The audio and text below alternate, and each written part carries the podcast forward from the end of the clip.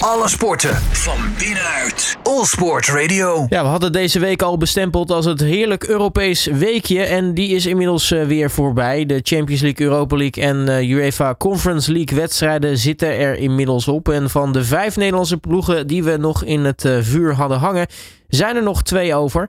We gaan terugblikken op de wedstrijden met Martijn Baars van Sportnieuws.nl. Martijn, hele goedemiddag. Hey, goedemiddag, Robert. Um, ja, laten we beginnen denk ik met uh, de, de, de eerste wedstrijd van uh, de week uh, van Nederlandse ploegen. de wedstrijd van Ajax tegen Benfica. Een wedstrijd waar we vooraf eigenlijk zoiets van hadden van... Nou, in principe Ajax zou het thuis wel eens kunnen gaan afmaken. Al moet je Benfica ook niet onderschatten. Nou ja, dat we Benfica niet hebben moeten onderschatten, dat, dat bleek uiteindelijk wel. Ja, het is eigenlijk gewoon in één woord samen te vatten. En dat is dom. Uh, Ajax heeft gewoon niet geleerd van de afgelopen, nou wat is het, uh, vier, vijf jaar. Waarin het vaker thuis dit soort wedstrijden speelde. ik kan een Valencia herinneren, een Atalanta. waarin je van tevoren denkt, nou, easy, dat moet gewoon lukken. En dan speelt zo'n ploeg, zeg maar, een beetje vies voetbal. Zoals Getafe dat ook deed en AS Roma ook deed. Uh, bedoel, heb ik al vier tegenstanders genoemd waarin Ajax vergelijkbare wedstrijden speelde. Dus veel tijdrekken, blessures speken, de wedstrijd echt doodmaken. En dat deed Benfica nu ook. En daar trapte Ajax weer in. En dat had Ajax ook kunnen leren van PSV, die in de voorrondes tegen Benfica precies dezelfde wedstrijd speelde. Uh, en ook nu gebeurde gewoon hetzelfde. Ja, natuurlijk heb je dan de pech dat een bal dan niet een keer lekker valt en, niet, uh, en dat je niet scoort. Uh, maar het is gewoon niet anders te zeggen dan, dan dom. Ajax had het gewoon veel slimmer aan moeten pakken. Niet weer moeten trappen in dat spelletje van Zuid-Europese clubs die zo'n wedstrijd perfect kunnen spelen. Uh, en dan was het anders afgelopen. En nu, uh, ja, uh, Ajax-fans juichten toen, het, toen Benfica uit de koker kwam. want toen dachten ze, nou, easy, dan hebben we misschien wel de makkelijkste tegenstander van allemaal. En dan zie je weer dat je er zo afgaat. Ja, het is gewoon heel zuur en ook een beetje dom dus. Ja, want dan kun je het meeste balbezit hebben en de meeste dreigingen één counter. En dat is eigenlijk klaar. Ja, precies. En ja, daar, daar, daar voetbalt zo'n Benfica op. En we zagen al in de heenwedstrijd dat, uh, dat die ploeg echt helemaal niet zo slecht is. Zeker niet in de omschakeling. Ja, en in de Amsterdam kreeg ze misschien nog wel minder ruimte. En dus uh, aan de andere kant meer ruimte om om te schakelen. En er was er maar eentje nodig. Uh, het is letterlijk iets van 20-4 in, in kansen geworden, Ajax Benfica. En Benfica had maar één schot op doel nodig om, om de wedstrijd te beslissen. Ja, en dat is gewoon wat ik zei, typisch. Gewoon typisch zo'n wedstrijd waar Nederlandse clubs de afgelopen jaren al heel vaak de, de mis zijn gegaan. en uh, daarmee ligt uh, Ajax ook gelijk uit Europa. Niet de enige ploeg, want als we naar de donderdag gaan, naar de UEFA Europa Conference League, zoals de competitie zo mooi officieel heet. begon natuurlijk met de wedstrijden vroeg op de avond. AZ tegen Bode Glimt uit Noorwegen. Het werd uh, nou ja, 2-1, misschien uh, iets onterecht in, uh, in Noorwegen. Door natuurlijk een laat gegeven penalty die ja, krankzinnig was eigenlijk. die had hij nooit mogen geven. Maar goed, dan denk je AZ mag het thuis afmaken. Komen er 18 minuten op voorsprong via Pavlidis. En dan denk je mooi, weinig aan de hand. Ja, nou ja, sterker nog, binnen een half uur was er al drie keer gescoord. En er stond bestand al op het bord die in Noorwegen pas na 90 minuten erop stond. Ja, Pavlidis schoot twee keer scherp.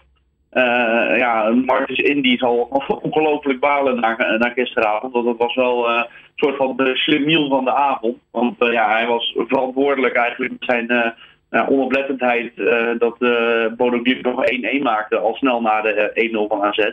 Ja, dat, dat AZ zoveel makkelijker voor de, voor de wind kunnen gaan. en dan speel je zo'n zo'n verlenging en dan krijg je ook weer zo'n dubieuze goal om de oren waarbij de assist uh, misschien gegeven werd nadat die speler van uh, Bodo Glimt de hands maakte. Ja, uh, ook daar stond weer iemand niet lekker op te letten. wordt die bal binnengefrommeld. Ja, het is gewoon ongelooflijk zuur. Want AZ had echt zeker de eerste helft van de wedstrijd echt het beste van het spel. Carlson schoot in de tweede helft ook een schitterend schot. Echt naar bijna binnenkant kruising, als dat fysiek mogelijk is. Uh, het had gewoon al eerder kunnen beslissen. Maar ja, Bodo Glimt heeft niet voor niks Celtic uitgeschakeld. Niet voor niks uh, niet van AS Roma verloren. Sterker nog, in de groepsfase met 6-1 uh, van de Italiaanse ploeg van Mourinho gewonnen. dus het was niet te onderschatten ja, dat je dan in zo'n verlenging ook nog zo zuur eruit gaat. Ja, dat had, AZ had een beter lot verdiend. Maar goed, dat kunnen we ook van Vitesse zeggen, waar we zo nog wel op, op uitkomen. Uh, maar ja, AZ had het echt uh, ja, beter kunnen doen en misschien wel beter moeten doen. En heeft gewoon pech dat Martins Indy uh, niet zijn wedstrijd had. Ja, laten we dan gelijk maar Vitesse er dan bij pakken. Want dan sluiten we af op een, op een high note met, met PSV en Feyenoord. Vitesse, ja, dat, dat was in eerste instantie bij de loting dachten we al van... Nou ja, het wordt lastig tegen AS Roma. Nou, in de heenwedstrijd bleek dat Vitesse weinig te vrezen had van, van AS Roma. Ze wonnen weliswaar met 1-0. Maar zo'n uitwedstrijd, ja in het Stadio Olimpico, ondanks dan ben je dat kleine Vitesse tegen het grote AS Roma, uh, was er eigenlijk uh, tot aan de 91ste minuut uh, weinig aan de hand. Ja, het is gewoon ongelooflijk knap voor, van Vitesse wat ze 180 minuten lang hebben laten zien tegen AS Roma. Want eigenlijk, als je het objectief en statistisch bekijkt, was Vitesse gewoon twee keer, dus zowel in Arnhem als in Rome, gewoon de betere ploeg. Uh, en nou zeker thuis uh, in het Gelderdoom had Vitesse het gewoon echt vaker af moeten maken. Op en daar kan ik me nog herinneren. Iemand drie meter afstand de bal overschoot over een leefgoal in plaats van daarin. Uh, en nog meer van dat soort kansen die er niet ingingen. Ja, dan had het in Rome een, een, andere wedstrijd geworden. Maar ook daar was Vitesse eigenlijk gewoon hartstikke goed. Echt een waanzinnige goal van Vitek. Die sowieso denk ik bij ja. Vitesse een eigen hoofdstuk krijgt in de geschiedenisboeken uh, dit Europese seizoen. Maar ik denk ook dat dat ook wel het doelpunt van de, van de speelronde wordt, denk ik, in de, in de Conference League. Nou, dat zou me niks verbazen. Dan moet ik zeggen dat ik de andere wedstrijden niet gezien heb. Dus uh, daar kan ik niet helemaal uh, beoordelen of daar nog mooiere goals gevallen zijn. Maar Witek is gewoon misschien wel de helft van Arnhem van dit Europese seizoen. Want hij heeft in meerdere wedstrijden van die goals gemaakt die hij zo van toffel nam. Of die hij van randje 16 een soort van op de, op de slot nam en uh, zo in de goal deze was uh, misschien nog wel de mooiste van allemaal. Die bewaart hij dan voor de laatste wedstrijd in het Stadio Olimpico in, uh, in Rome. Want natuurlijk voor hem een onvergetelijk stadion, een onvergetelijke ambiance. ja, de, die Witek die kan denk ik niet meer kapot. Zowel in Arnhem als in zijn eigen hoofd niet meer. Maar het is gewoon heel zuur en jammer dat ja, ook diezelfde Witek Rick Karsdorp in de 90ste minuut over het hoofd ziet. en de Nederlander die kon hem op het hoofd van Tammy Abraham uh, leggen, waardoor een verlenging en dus misschien nog wel een kans om AS Roma uit te schakelen, uh, gewoon weg was. Ja, dat is echt. Nou, je, zat bijna mee te balen met Vitesse supporters, in ieder geval als Nederlands voetbalsupporter. Ja, gunde je gewoon Vitesse veel meer dan, dat, uh, dan wat er gisteren gebeurde. Ja, het is ook eigenlijk ontzettend zonde dat dat nou ja, eigenlijk zowel bij AZ als Vitesse het eigenlijk in extra tijd, sleek blessuretijd gewoon, gewoon misgaat wat dat betreft. Ja, ja en bij, bij AZ ging natuurlijk vorige week in Noorwegen al een diepe blessuretijd mis. Anders had het een, eh, een 1-1 uh, eh, stand mee kunnen nemen naar Alkmaar. Nu werd het 2-1 voor Bodo Glimt. Ja, en bij Vitesse, uh, als het gewoon thuis had afgemaakt, dan had het in Rome wat, wat makkelijker overeind kunnen blijven. Had misschien Roma ook wel een andere wedstrijd weer gespeeld. Dat, dat speelt natuurlijk ook wel mee. Het is gewoon jammer dat, uh, nou zeker voor dat soort clubs, van PSV en Feyenoord mag je eigenlijk wel verwachten dat ze een kwartfinale van zeker zo'n Conference League halen. Maar van AZ en Vitesse hoef je dat niet per se te verwachten. Maar zat het er wel gewoon uh, bij allebei de wedstrijden 180 minuten lang in. En dan sta je uiteindelijk maar met twee van die vier ploegen in de volgende ronde. Ja, dat is jammer. Maar aan de andere kant, we hebben wel misschien de twee sterkste ploegen over in de kwartfinale. En wie weet uh, hoe ver die nog kunnen komen de rest van dit seizoen. Ja, want uh, laten we het over die sterkste ploegen gaan hebben. Beginnen we met PSV. ja, dat, dat is een wedstrijd tegen FC Kopenhagen. Eigenlijk beide wedstrijden waar het in een soort van in vieren gaat. de eerste wedstrijd scoorden beide ploegen vier keer, werd het 4-4. en nu scoort PSV maar weer gewoon vier keer tegen FC Kopenhagen. Ja, gewoon 12 goals in twee wedstrijden. En bij Feyenoord straks komen we ook op uh, rond de 11 uit. Nou, dat zijn volgens mij de, de twee uh, wedstrijden die uh, de meeste doelpunten hebben opgeleverd onderling. En het was echt een rare gewaarwording, want waar PSV defens, defensief in Eindhoven vorige week zo liep te schutteren, waardoor FC Kopenhagen de meest onmogelijke kansen nog een doelpunt maakte. En dus gelukkig nog een soort van 4-4 werd. Ja, dat was echt in Kopenhagen een compleet andere wedstrijd. De PSV voetbalde er zo makkelijk doorheen. Met misschien wel Mario Götze als, uh, als beste man van het veld. Uh, binnen 10 minuten 1-0 door Zahavi. Ja, en toen was de wedstrijd eigenlijk al een soort van dood. Want nou, uh, Kopenhagen bijna niet voor de goal gezien. Ja, in de tweede helft een schotje van afstand. maar dat was het dan ook. Het, het, leek wel een hele andere wedstrijd dan dat het vorige week was. Dat, was, dat was denk ik wel te, te danken aan de instelling van PSV. En door de nou, goede timing van de doelpunten. Want dat helpt natuurlijk ook mee. Als je met 2-0 de rust ingaat. dat is een, een andere tussenstand dan als bijvoorbeeld 1-1 of 0-0 of misschien wel 1-0 voor Kopenhagen was geweest. Dus dat scheelde ja, gewoon heer en meester in, in de Deense hoofdstad. Ja, dat kwam misschien ook omdat de spelers een mooie rust hadden gehad. En niet werden gewekt door het vuurwerk van de Kopenhagen supporters. Die waren bij het verkeerde hotel vuurwerk aan het afsteken. Fantastisch verhaal is dat ook, ja. Ja, fantastisch was dat.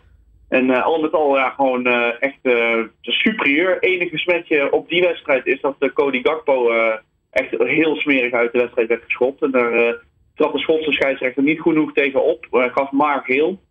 En daardoor is het hopen voor PSV dat uh, Gakpo ook in de kwartfinale erbij is. Maar ook nog mee kan blijven doen in die strijd om de titel, die toch nog ongelooflijk spannend is in, in de Eredivisie. Ja, dus PSV met een uitstekende wedstrijd door. Ook Feyenoord is door. eigenlijk moeiteloos tegen Partizan Belgrado. Een ploeg waarvan je eigenlijk toch wel wat meer had mogen verwachten. Want nou ja, na de 5-2 uitzegen werd het thuis ook gewoon 3-1 voor Feyenoord. Ja, ja, wat ik zei, zeven goals in de eerste wedstrijd, vier goals in de return. Ook uh, elf goals, dat is er eentje minder dan bij PSV dus, waar er twaalf vielen in twee wedstrijden. Uh, ja, Feyenoord was, uh, was, was swingend. Er zijn wel eens klachten geweest de afgelopen jaren over dat Feyenoord alleen maar vechtvoetbal of vies voetbal kon spelen.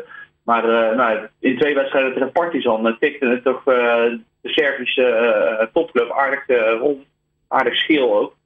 Uh, en dat belooft al wat, ook voor de restant van het seizoen, uh, zowel in de Conference League als wellicht in de Eredivisie. Met uh, zondag in het achterhoofd Ajax Feyenoord op het programma.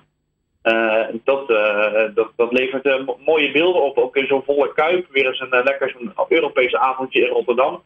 dat zijn altijd speciale duels, zeker zover in het toernooi.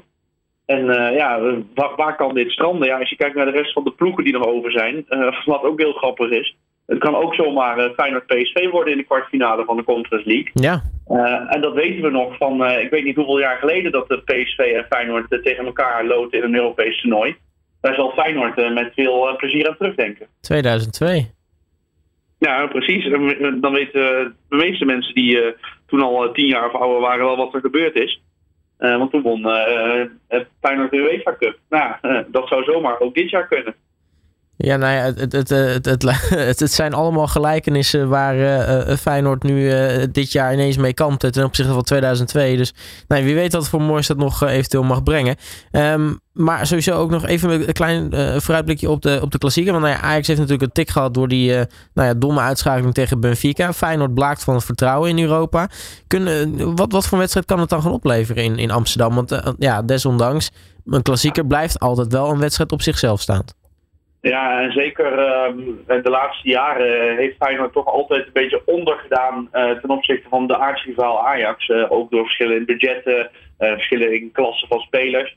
Dus het zal ook bij Feyenoord wel leven dat, dat ze ook wel weer een keertje willen winnen. En zeker in Amsterdam is al, ik denk bijna 100 jaar geleden, bij wijze van spreken, dat, dat Feyenoord daar, daar won. Ja, en als, als het een moment is om, om Ajax te pakken, dan is het ja, deze periode. Ajax natuurlijk uit uh, in uh, de Champions League geknikkerd door Benfica thuis. Uh, maar ook in de Eredivisie al drie wedstrijden op rij. Ik zeg Go Ahead Eagles, ik zeg RKC, ik zeg Cambuur.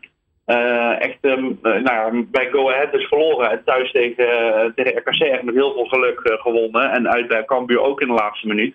Ja, het, zit even niet lekker bij Ajax. En, en, ze voelen de adem van PSV in de nek met nog acht wedstrijden te gaan.